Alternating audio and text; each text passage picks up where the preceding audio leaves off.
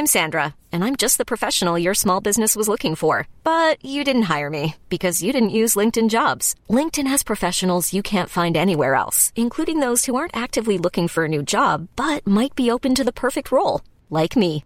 In a given month, over 70% of LinkedIn users don't visit other leading job sites. So if you're not looking on LinkedIn, you'll miss out on great candidates like Sandra. Start hiring professionals like a professional. Post your free job on linkedin.com/achieve today.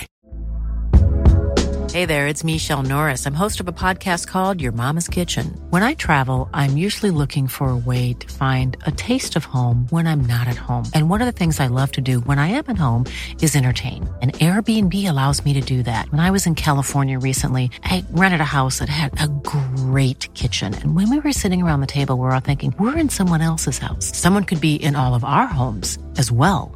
If you have a home, but you're not always at home, you have an Airbnb. Your home might be worth more than you think. Find out how much at airbnb.com/slash host.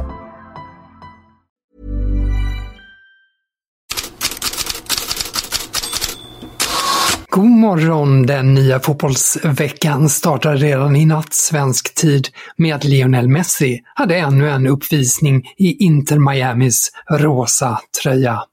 Your wall to do its job. Messi up. Over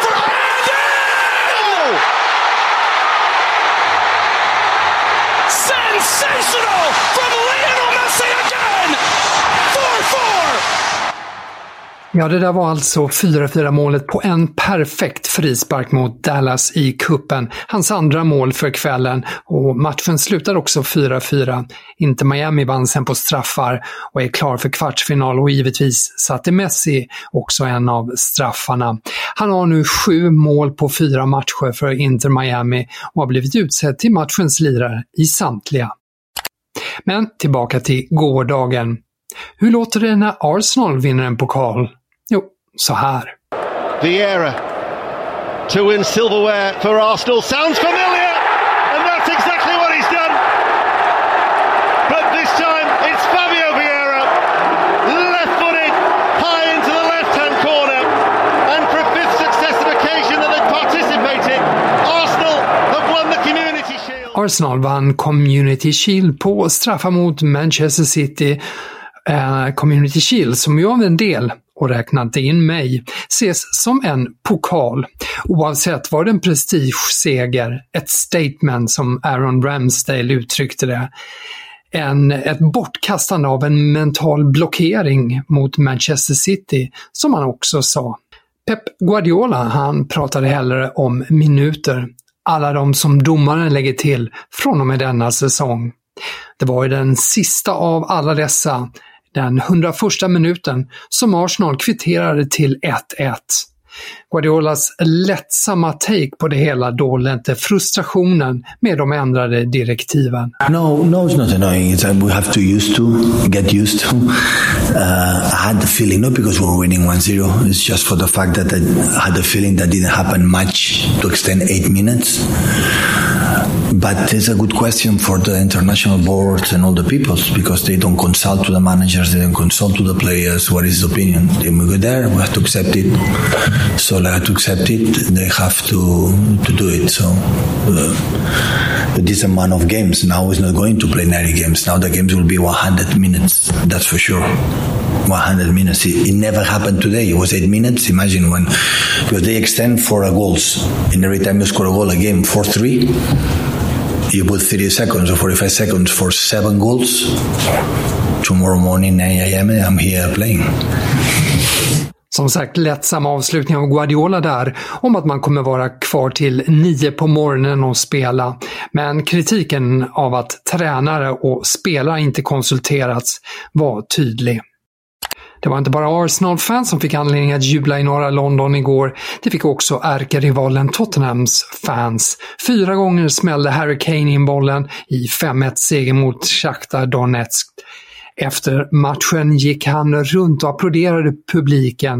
Flera engelska tidningar ser det som ett bevis på det starka bandet till Tottenham och till fansen.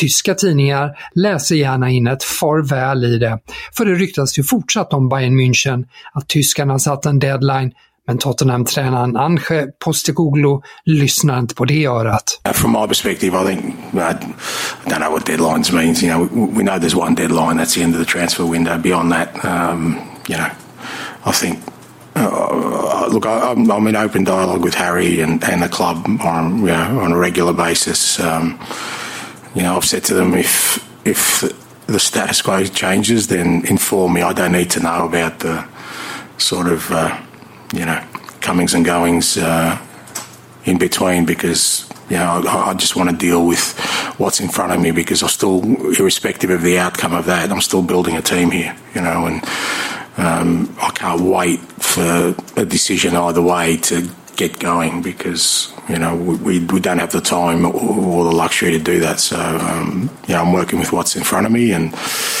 um, you saw today that you know, Harry's certainly um, invested in what we're doing, and you know we'll keep doing that unless something changes. Fortsättning följer om Kane och framtiden. Han var förstås den som fick högst betyg efter gårdagens match i Football London, 10 av 10. Men Dejan Kulusevski följde sen med 9 av 10. Närmast omöjlig att stoppa i andra halvlek, skriver Football London. Och lite mer svenskt. The Guardian har på nyhetsettan en enda stor bild bland alla världspolitiska skeenden och det är på matchvinnaren Lina Hurtig efter Sveriges VM-seger mot USA och den tar förstås stor plats internationellt. Och annat då? Och Viljot Svedberg gjorde en stark insats när Celta Vigo slog Wolfsburg med 1-0. Faro de Vigo skriver nu efter flera bra insatser att citat den unge svensken kan bli en av säsongens överraskningar.” Slutcitat. Och Lavos de Galicia påpekar att Svedberg lagt på sig 4 kilo muskler. Han väntas också få blågult sällskap av Carl Starfelt. Enligt Relevo är övergångssumman knappt 5 miljoner euro. För lite, tycker Celtics fans. Och på tal om svenskar som imponerar, Lecces nyförvärv Pontus Almqvist gjorde det på nytt igår. Gazzetta dello Sport skriver idag att han gjorde citat, ett strålande intryck, slutcitat.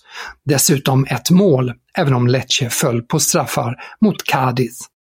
Så till transfermarknaden.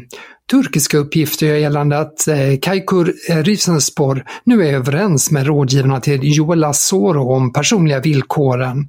Klubben förhandlar med Djurgården och andra klubbar är också intresserade.